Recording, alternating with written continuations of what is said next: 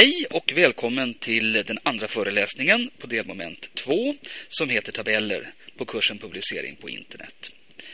Du kan eh, när som helst pausa programmet med pausknappen nere till vänster och starta igen med play-knappen. Till höger ser du rubrikerna på alla bilderna i denna föreläsning. Du kan alltid hoppa direkt till valfri bild genom att klicka på bildrubriken. Bilderna i denna program eh, finns för utskrift i fronter i samma katalog som denna föreläsning ifall du vill använda dem för att anteckna i. På den här föreläsningen så kommer du att få lära dig att bygga tabeller.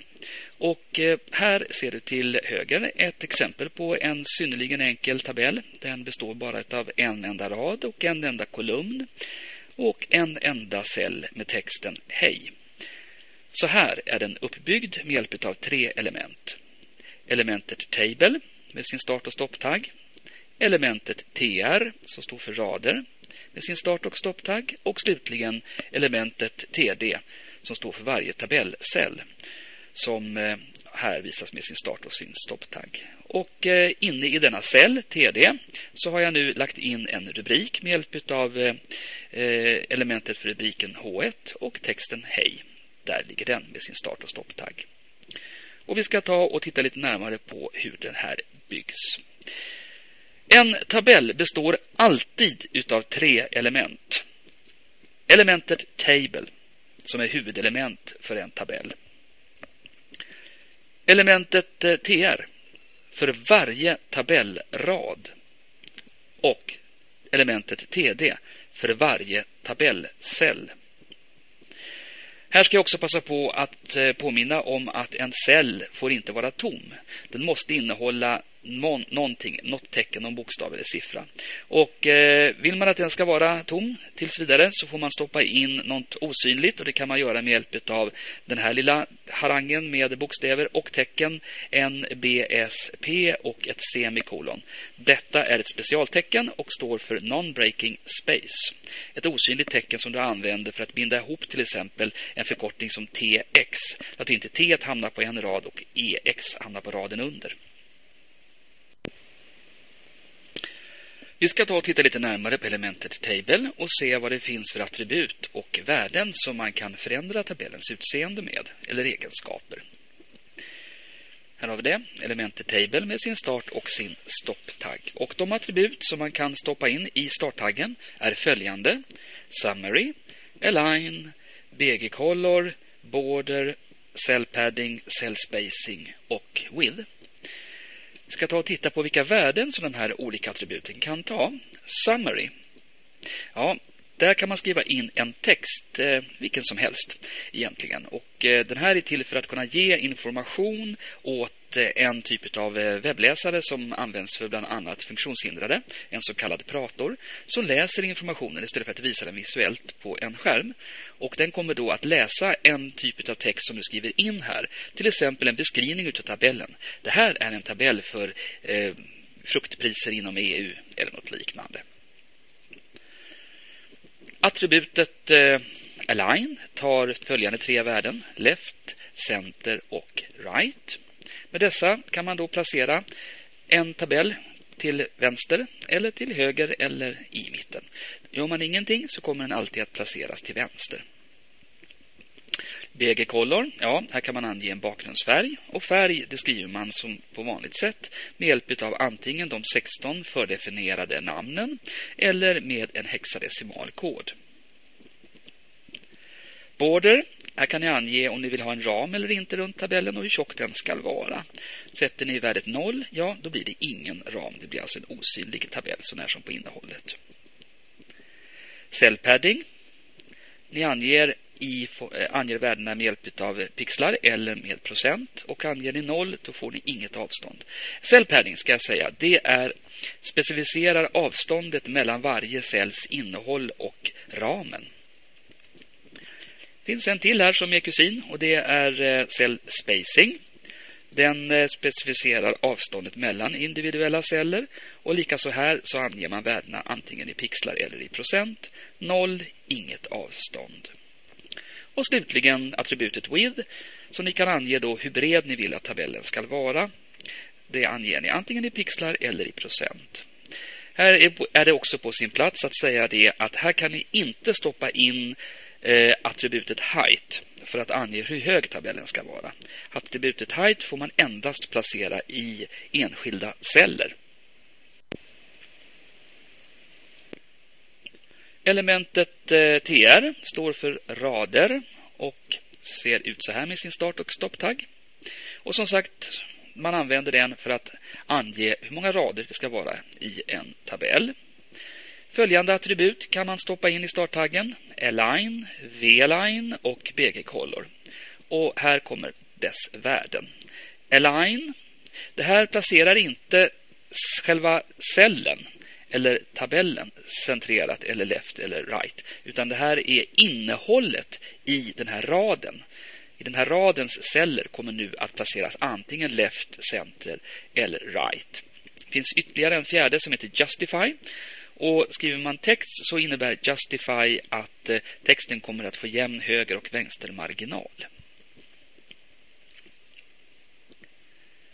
V-line här kan man ange hur man vill att informationen i cellen ska ligga. Om den ska ligga högst upp, i mitten eller längst ner i en cell.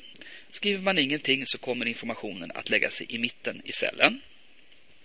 Och slutligen bakgrundsfärgen med hjälp av attributet BG-color. Och bakgrundsfärgen anger ni precis på vanligt sätt, antingen med de 16 fördefinierade namnen eller med hjälp av den hexadecimala koden.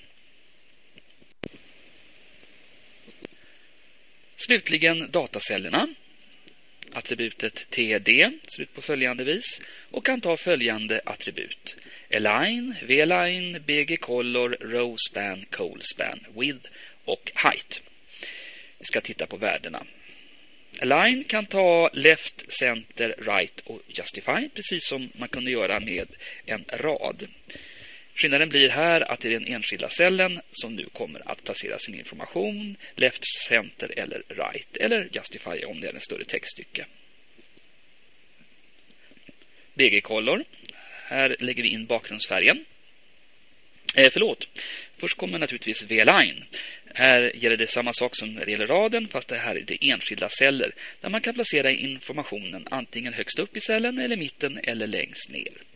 Och som ni ser, skriver man ingenting så kommer informationen att ligga i mitten i cellen. Här har vi BG-Color. Här anger ni bakgrundsfärgen, antingen med de 16 fördefinierade eller med hexadecimalkod.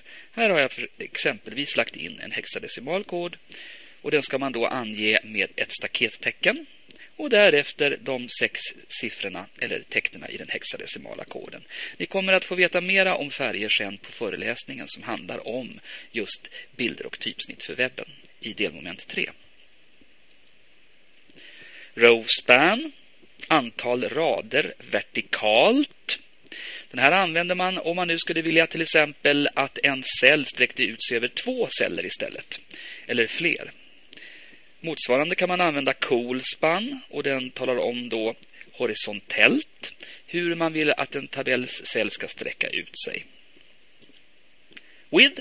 Mm. Här kan vi alltså då också ange widden på en speciell cell. Och den anger vi inte med procent utan bara med pixlar. Och för första gången även height. Här kan jag alltså ange cellens höjd med hjälp av pixlar. Vi ska ta och titta på de här olika attributen en efter en för att förklara lite närmare vad de står för. Och vi börjar med eh, attributet summary som alltså då är textinformation för taldatorer, typ prator. Detta nya attribut används om man vill specificera en summering av tabellens syfte och struktur. Attributet används av icke-visuella www-klienter, till exempel taldatorer. Här kan tilläggsinformation skrivas. Och här kommer då ett exempel på en sådan tabell.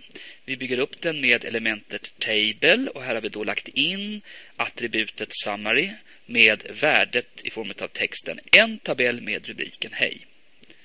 Och sen så har vi då sagt att den här ska ha en ram med en tjocklek på en enhet. Därför står det border är lika med 1.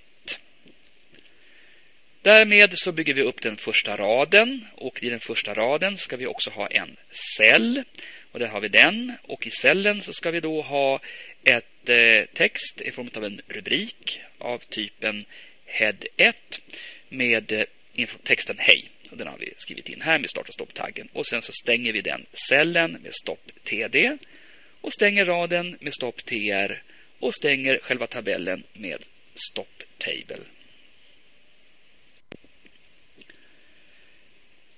Här har vi ett exempel på en tabell som eh, vars placering är centrerad. Och Det gör man med hjälp av attributet align på följande vis. I starttaggen för Table har jag lagt in attributet align och gett det värdet center. Jag har också som ni ser border är lika med 1 här och det har jag i de flesta exempel. Därefter ska vi lägga in en rad och den kommer där. Och i denna rad ska vi lägga in en cell. Den kommer här med rubriken Hej. Därefter stopp, stoppar vi raden med, stopp, stoppar vi cellen med stopp TD och stoppar raden med stopp TR och stoppar tabellen med stopp table. Det finns eh, två sätt att eh, centrera en tabell på eller placera den ute till höger om man så önskar. Och Det här som jag visade nyss, det var det första sättet. Det här är det andra sättet och det är egentligen lite, lite säkrare, lite, lite bättre. Och Då använder man sig inte utav attributet align utan man använder sig av ett nytt element som heter div på följande vis. Starttaggen för div. I den lägger jag attributet align och ger den värdet center. Därefter bygger jag min tabell med starttaggen för table och där jag har angett en tjocklek med border 1. Därefter öppnar jag raden och i raden lägger jag tabellcellen TD med sin rubrik Hej och stänger därmed cellen, stänger raden, stänger tabellen och slutligen stänger också elementet div.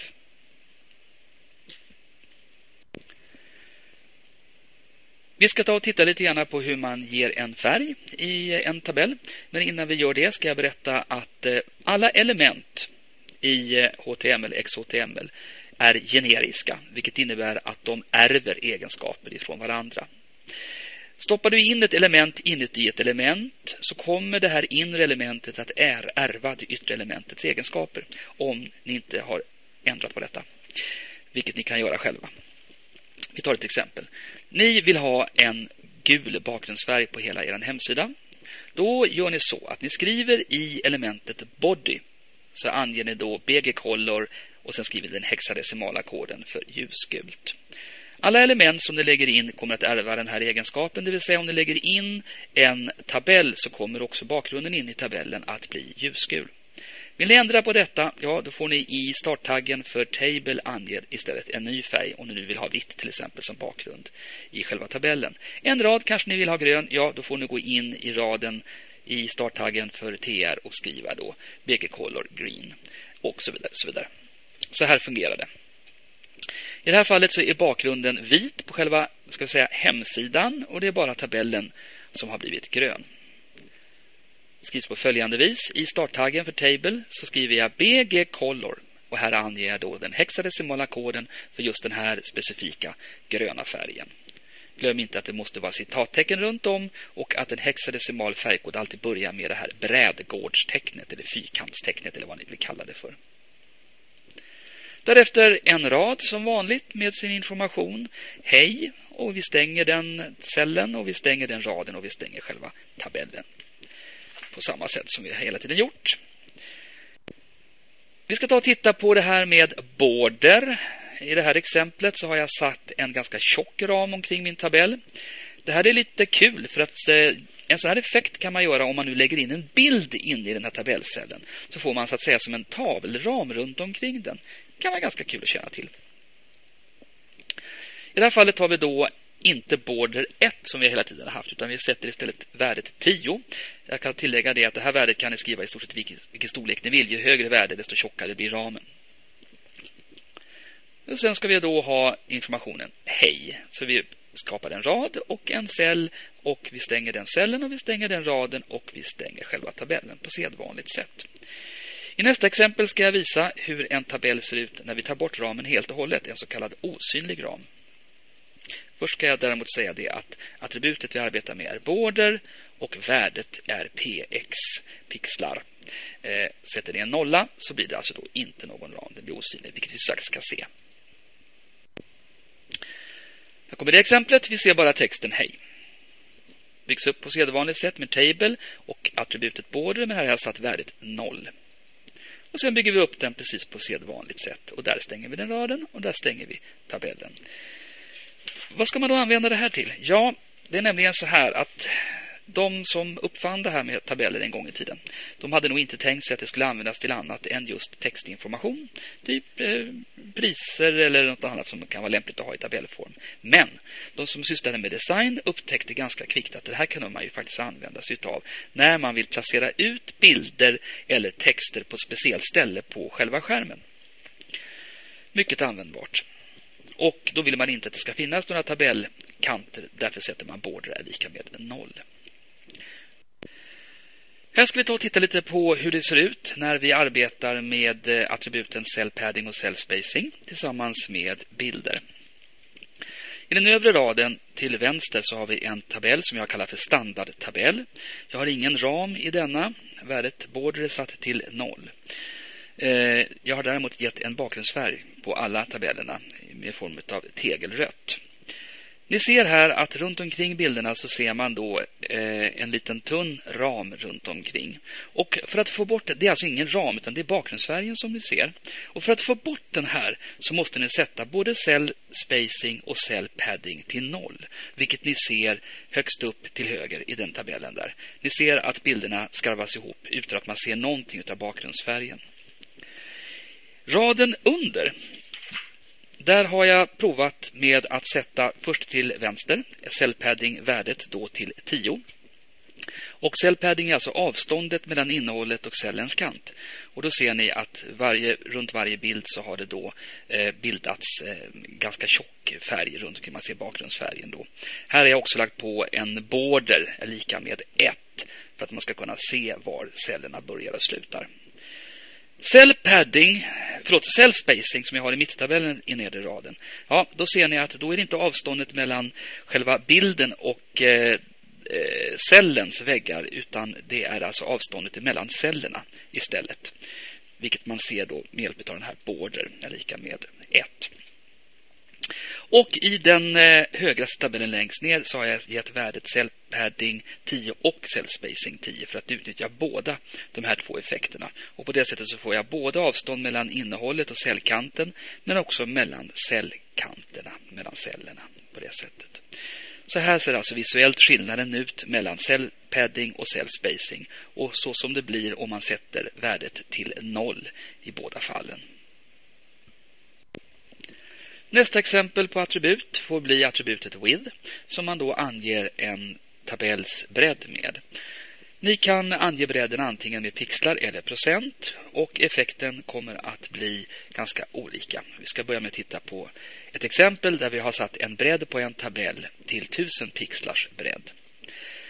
Vi antar att vi har en upplösning på själva skärmen så att skärmen visar 1024 x 768 vilket är en ganska vanlig upplösning på de lite mindre skärmarna. Och vad vi ser då det är en tabell som i stort sett sträcker ut sig över hela skärmen på följande vis. Men skulle det nu vara så att vi har en mindre skärm ja, då kommer inte hela tabellen att synas. Och vi säger nu att vi har en liten skärm som bara har en upplösning av 768 gånger eller 4, 800 gånger 600 kan vi ta som exempel. Ja, då kommer den här tabellen då att bli stympad som synes följande. Det här är ju naturligtvis inte lyckat och vi kommer då att behöva scrolla i sidled för att kunna få all information i den här tabellcellen. Och för att undvika detta så skulle man kunna ändra det här och istället för att skriva pixlar så skriver man istället 100% Då kommer tabellen alltid att täcka bredden på skärmen oavsett om vi har en jätteskärm eller om vi har en liten mobiltelefon och tittar på en liten plutteskärm bara. Nackdelen med det här det är då att har du mycket information i den här cellen så kommer ändå inte cellen att kunna minska om det nu är bilder. Är det text så kommer texten att bli jättekonstig för den kommer alltså att byggas upp på höjden istället.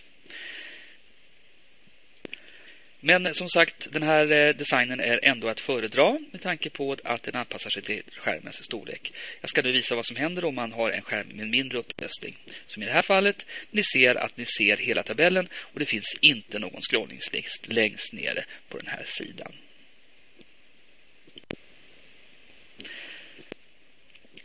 Än så länge så har vi talat om tabeller som bara innehållit en endaste rad, en endaste kolumn och en endaste cell.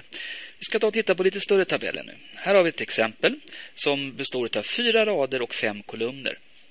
Och den bygger vi på följande vis. Vi börjar med elementet table och för att den här ska vara synlig så har jag satt en border är lika med 1. Sen börjar jag med att bygga upp den första raden som innehåller eh, cellerna Adam, Bertil, Cesar, David och Erik. Här kommer första raden, starttaggen för den. Här har vi första cellen med Adam, därefter andra cellen Bertil, därefter tredje cellen Cesar, fjärde cellen David, femte cellen Erik och där stänger vi den första raden. Jag ska passa på att säga det att de här cellerna Adam, Bertil, Cesar, David, Erik behöver man inte skriva under varandra. Man kan skriva dem efter varandra på en rad också. Det spelar ingen roll, designen kommer att bli densamma. Nästa rad, Agneta, Berit, Cecilia, Dora, Erika byggs på samma sätt. Vi startar med en ny rad, starttaggen för TR och därefter så sätter vi in fem stycken start och stopptaggar för varsin cell för Agneta, Berit, Cecilia, Dora, Erika och där stänger vi den raden. Tredje raden byggs upp på samma vis. Vi börjar med starttaggen för TR och därefter apelsin, banan, citron, druvor, ekollon och stänger den raden där. Och sista raden. Starttaggen för rad där, därefter cellerna apa, björn, citronfjäril, daggmask och ekoxe. Där stänger vi den sista raden och slutligen så stänger vi hela tabellen. Inte så komplicerat, men säg det som är enkelt här i livet. Nästa exempel kommer att bli en smula mer komplicerat. För att här ska vi ta och titta på så kallade nästlade tabeller. Och nästlade tabeller det är alltså inget annat än en tabell inuti en tabell. I en valfri tabellcell kan man alltså lägga in en helt ny tabell. Och det här kan man göra om man vill komplicera det ordentligt med att lägga in en tabell i en tabell i en tabell och så vidare i det oändliga. Fördelen med det här är att enskilda celler kan plötsligt nu innehålla en väldig massa olika rader. Så vi har i det här exemplet så ser vi att cellen eh, i eh, rad nummer två, kolumn 4 nu innehåller en ny tabell som för säkerhets skull har fått bakgrundsfärgen gul som innehåller apa, björn, citronfjäril, daggmask och ekoxe. Vi ska ta och titta på hur den här byggs upp. Vi börjar med den första raden. Först så har vi starttaggen för table med border är lika med 1. Och här har vi då den första radens starttagg. Vi bygger upp den med de fem olika cellerna Adam, Bertil, Cesar, David, Erik och stänger den första raden. Därmed ska vi bygga rad nummer två som kommer att innehålla den nya tabellen. Starttaggen för TR har vi där. Där kommer första cellen, Agneta. Andra cellen, Berit. Tredje cellen, Cecilia. Och nu, i den fjärde cellen har vi stoppat in en helt ny tabell. Och för att eh, skilja de här två åt så kommer jag nu att använda grön färg för elementen istället. Vi stoppar in en ny tabell med starttaggen för tabell, table, och där vi har satt en border till 1. Och eftersom jag sa att den hade gul bakgrundsfärg så har vi lagt in BG Color och den hexadecimala koden för en ljusgul färg. Därmed ska vi bygga upp den här inre tabellens första rad som bara innehåller en cell, nämligen apa. Här kommer starttaggen för raden. Och här kommer då cellen apa med sin start och sin stopptagg. Och därmed stänger vi den första raden i den inre tabellen. Sen bygger vi upp rad 2. Här kommer starttaggen för den. Och den enskilda cellen med informationen björn. Där stänger vi den raden. Tredje raden byggs upp här med starttaggen för TR. Därefter kommer cellen citronfjäril med start och stopptaggen och vi stänger den raden där. Fjärde raden startas där med dagmask och stängs där. Och sista raden ekoxe på samma vis med starttaggen för TR och därefter tabellcellen ekoxe och stopp TR. Därefter stänger vi den inre tabellen med stopp table. Nu stänger vi den yttre tabellens cell med stopp table. Rad nummer två har ytterligare en cell, nämligen informationen Erika och den bygger vi nu upp här. Och nu har vi alltså som ni ser förflyttat oss tillbaks igen till den yttre tabellen. Med starttaggen för eh, cellen TD och informationen Erika och stopptaggen för TD. Och därmed stänger vi den andra raden. Därefter bygger vi upp den tredje raden med informationen apelsin, banan, citron, druvor och ekollon på sedvanligt sätt med start, TR och de fem cellerna. Därefter stannar vi den raden. Och slutligen bygger vi upp den sista raden med apabjörn, citronfjäril, dagmask och ekoxe på sedvanligt sätt. Stänger den raden och slutligen stänger vi den yttre tabellen på följande vis. Stopp table.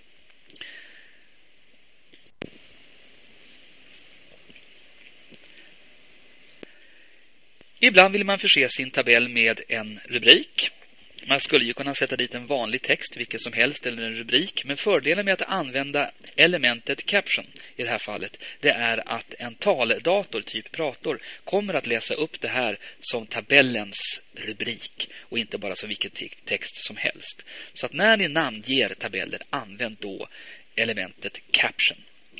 Tittar ni på tabellen i den lilla bilden till eh, höger så ser ni att rubriken på tabellen är Mina favoriter. Och tabellen skrivs på följande vis. Table, border, är lika med 1. Därefter så kommer elementet caption och mellan start och stopptaggarna så skriver man den text som ska synas i själva rubriken, mina favoriter. Sedan bygger man tabellen på sedvanligt sätt med en massa innehåll har jag förkortat det med här bara på följande vis. Och därefter stängs tabellen. Elementet heter alltså caption med start och stopptaggar och eh, det attribut som det här elementet kan ta är align och ingenting annat. Och align, ja, här kan jag ge värdena top, bottom, left och right. Och eh, top kommer att placera tabellrubriken högst upp. Bottom kommer att placera tabellrubriken under tabellen.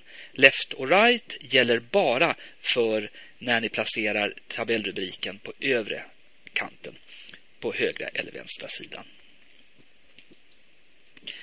Gör ni ingenting så kommer tabellrubriken att placeras högst upp.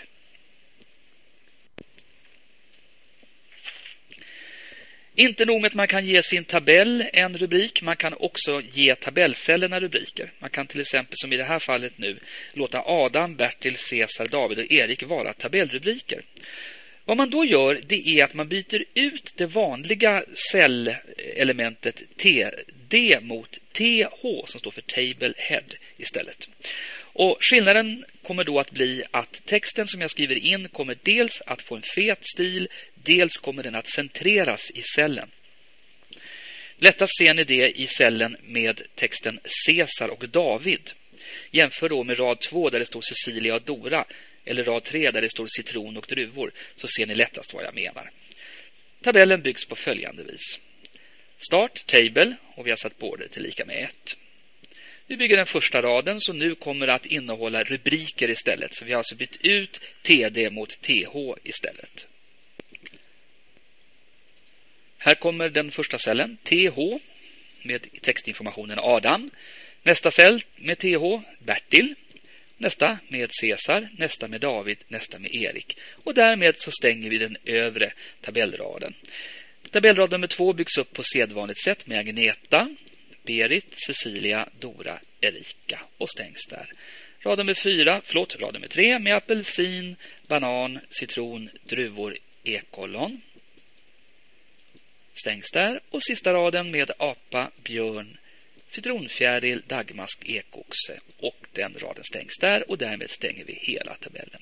Som ni ser så är det bara i den översta raden som jag har bytt ut elementet TD mot TH istället. Glöm inte att den ska också stängas med stopp TH.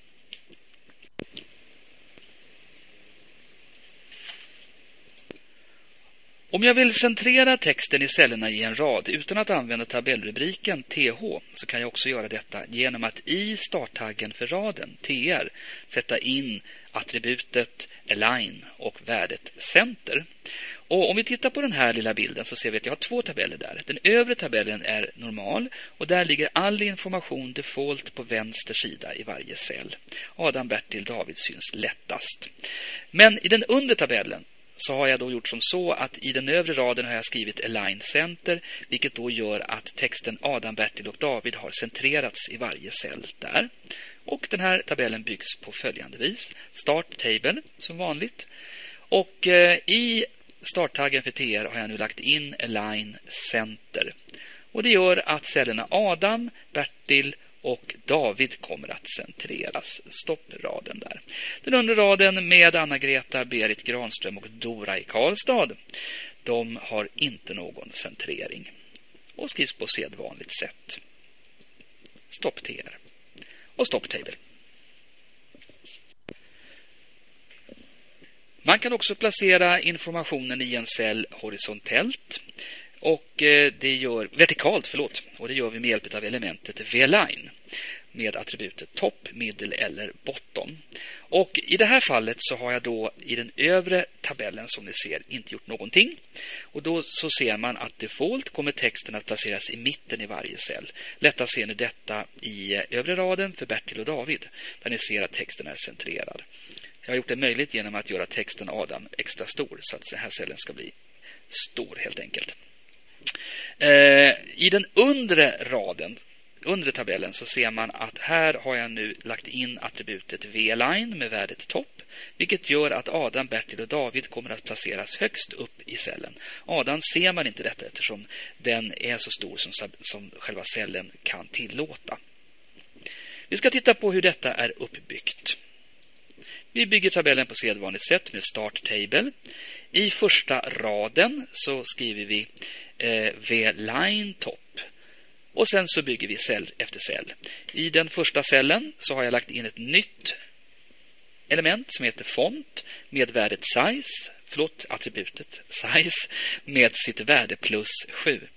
Och värdet plus 7 kommer att tala om för texten att den ska visas sju gånger större än normalt vilket också sker med texten Adam. Därefter stänger jag elementet font och slutligen stänger jag elementet TD. Och därmed är den första cellen klar. Cell nummer två med Bertil. Ja, även här har jag förstorat texten något med font size, men den här gången bara plus 3. Det vill säga tre gånger större än normalt. Och jag stänger font och jag stänger TD. Sista cellen, David, där har jag inte gjort någonting som ni ser åt storleken. Därefter stänger vi första raden och vi bygger andra raden med Anna-Greta, Berit Granström och Dora utan att göra något som helst påverkan av cellens innehåll. Vi stänger den raden och vi stänger tabellen på följande vis. På samma vis som vi gjorde med en rad kan man också förändra innehållet i en enskild cell.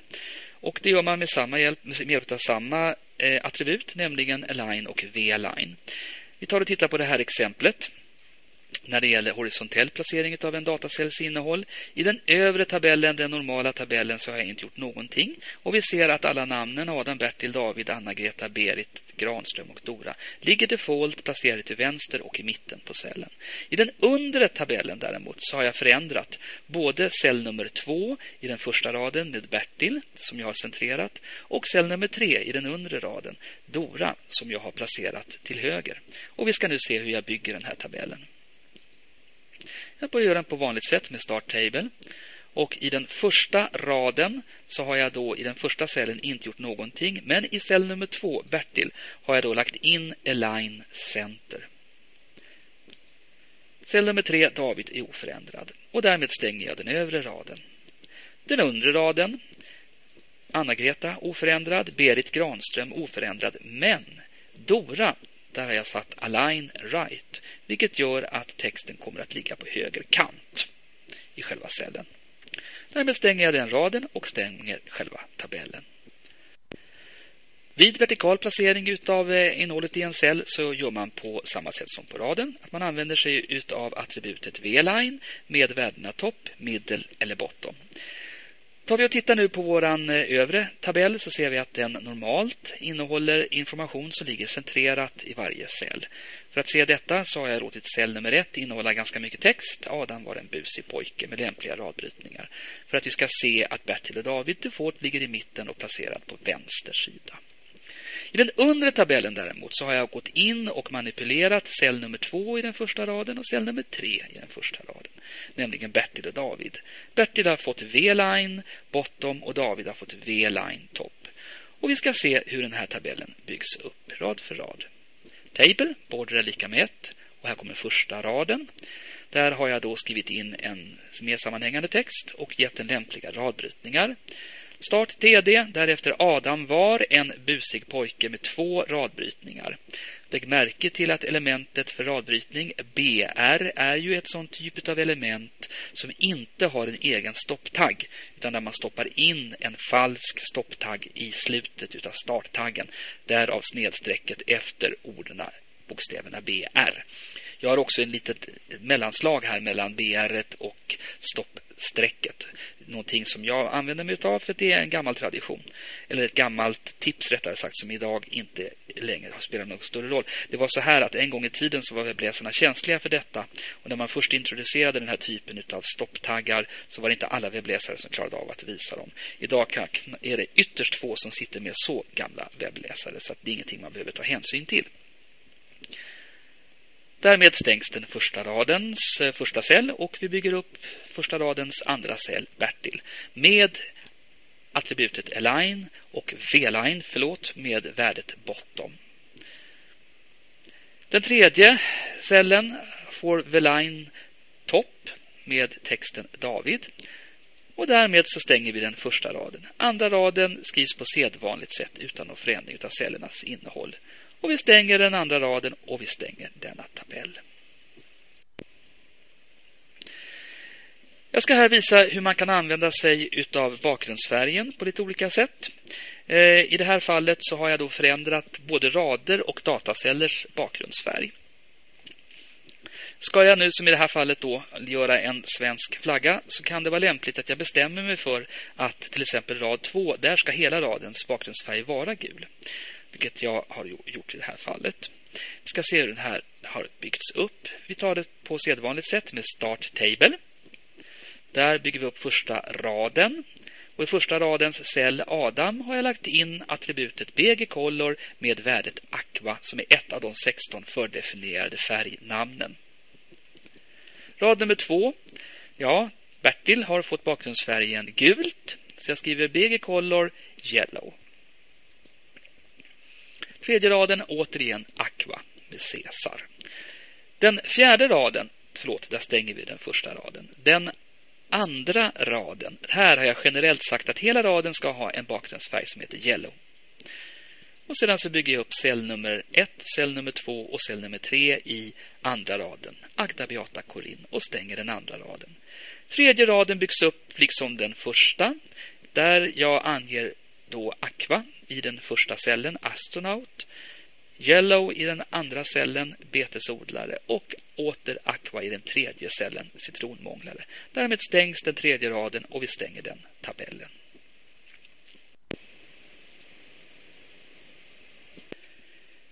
Vi har kommit fram till attributet row span som betyder vertikal spännvidd utav dataceller. Om jag nu skulle vilja att eh, en, eh, ett antal celler sträckt ut sig tillsammans i eh, över ett antal rader, ja då använder jag mig av attributet row span. Och eh, om vi tittar på det här exemplet så ser vi då att i den övre raden Adam, Bertil, Caesar så har cellen Bertil sträckt sig nedåt och kommer att kliva in så att säga då va, i rad nummer två och rad nummer tre som därmed bara kommer att få två egna celler Agda Korin och astronaut citronmånglare. Detta ska man tänka på när man bygger på det här sättet. Eh, vi bygger tabellen steg för steg och börjar med första raden där vi har sagt att bakgrundsfärgen ska vara blå och texten ska vara Adam. I rad nummer 1, cell 2, Bertil, här stoppar vi in attributet rowspan. Och eftersom den här ska sträcka sig över tre vertikala rader så skriver vi talet 3 som värde till rowspan. Och därefter sätter vi bakgrundsfärgen gult och texten Bertil och sen stänger vi den cellen. Tredje cellen Caesar skrivs på sedvanligt sätt med bakgrundsfärgen Aqua. Därmed är första raden klar. Rad nummer två och rad nummer tre får inte längre innehålla tre celler vardera, utan nu måste vi banta ner det till två celler eftersom den tredje cellen kommer att bli den utsträckta Bertil som sträcker sig in i dem. Missar man detta och lägger in tre celler i rad 2 respektive rad 3, då kommer de cellerna i värsta fall att synas som några konstiga bihang längst ut till höger. I värsta fall, säger jag, för i allra, allra värsta fall så syns inte tabellen överhuvudtaget för att den kraschar. Så, jag glömde bort att stänga den första raden. Nu öppnar vi rad nummer två med cellen för Agda, där vi har satt bakgrundsfärgen till gult. Och sen så hoppar vi direkt till cellen Korin, också den med bakgrundsfärgen gul. Och sen stänger vi rad nummer två. Och rad nummer tre, samma sak, två celler bara. Bakgrundsfärgen Aqua i Astronaut och bakgrundsfärgen Aqua i Citronmånglare. Och därmed stänger vi rad nummer tre och stänger hela tabellen. Rowspan har en kusin som heter Colespan där man sträcker ut ett antal celler horisontellt och de byggs på ett liknande sätt. Här ser ni att i tabellen så har rad 2 sträckts ut för att omfatta tre kolumner. Byggs på följande sätt. Första raden byggs på inte på något speciellt sätt utan första cellen kommer att innehålla bakgrundsfärgen Aqua och texten Adam. Cell 2, bakgrundsfärgen gult och texten Bertil och eh, cell nummer 3, bakgrundsfärgen Aqua och texten Caesar. Rad 2 kommer att bestå av en enda cell. Och här har vi byggt upp den. Och här börjar vi med att lägga in attributet CoolSpan som vi ger värdet 3 eftersom den ska sträcka sig över tre kolumner. Bakgrundsfärgen generellt får bli gul och texten Agda. Och den kommer att placeras default på vänster sida i cellen. Vill vi ha den placerad mitten, ja då får vi lägga in eh, attributet align och ge det värdet center. Då kommer Agda att stå tillsammans med Bertil och den tredje radens Agda. Och där stänger vi den raden. Tredje raden byggs upp på sedvanligt sätt med cellerna astronaut, Agda och citronmånglare. Och därmed stängs tredje raden och vi stänger hela tabellen. Här kommer en liten lektion i hur proportionerna blir när man arbetar med width och height. Jag har tidigare sagt att attributet height bara får användas i enskilda celler, aldrig generellt i en rad eller i en hel tabell. Width däremot kan man sätta in generellt i en hel tabell för att få en önskad bredd. Om vi tittar på den här tabellen som jag har byggt upp så ser vi att den består av två rader och två kolumner där jag har namngett cellerna 1, 2, 3 och 4. För att få en speciell bredd och höjd på cell nummer 1 så måste jag då använda mig av både width och height och skriva in några speciella värden i det. När jag har gjort detta med cell nummer 1 så kommer detta också att påverka cell nummer 2 och cell nummer 3 som ni ser. För att bredden som jag anger i cell nummer 1 kommer även att påverka samtliga bredder i den raden, i den, förlåt, i den kolumnen. Därför drabbas också cell nummer 3 och får samma bredd, även om jag inte behöver skriva in något speciellt värde i den. Jag kan alltså inte ha olika bredd i en kolumn, utan hela kolumnen måste då ha samma bredd. I kolumn nummer två med cellerna 2 och 4 så har jag då återigen angett en viss bredd som påverkar både tvåan och fyran. Eh, I rad nummer två så har jag sagt en viss höjd, till exempel i cell nummer 3. Ja, den kommer också att påverka cell nummer 4 på samma sätt som höjden i cell nummer 1 även påverkar cell nummer 2. Vi ska för säkerhets skull ta och titta lite grann på hur den här är uppbyggd. Start table. Därmed bygger vi upp första raden och i första radens första cell så har jag satt in en width på värdet 100 vilket också kommer att ge samma width på cell nummer 3 sen i rad 2. I cell nummer 2 i första raden så har jag satt en height på 100 vilket gör att även cell 1 kommer att få samma höjd. Rad nummer 2. Här kommer den. Där har jag satt en height på 50 i cell nummer 3 vilket gör att även cell nummer 4 kommer att få samma höjd. Och i cell nummer 4 har jag satt en width på 50 vilket gör att även cell nummer 2 i rad 1 kommer att få samma bredd. Så här kommer det här att påverka varandra. Och därmed så är denna föreläsning om tabeller slut och jag ber att få tacka för mig.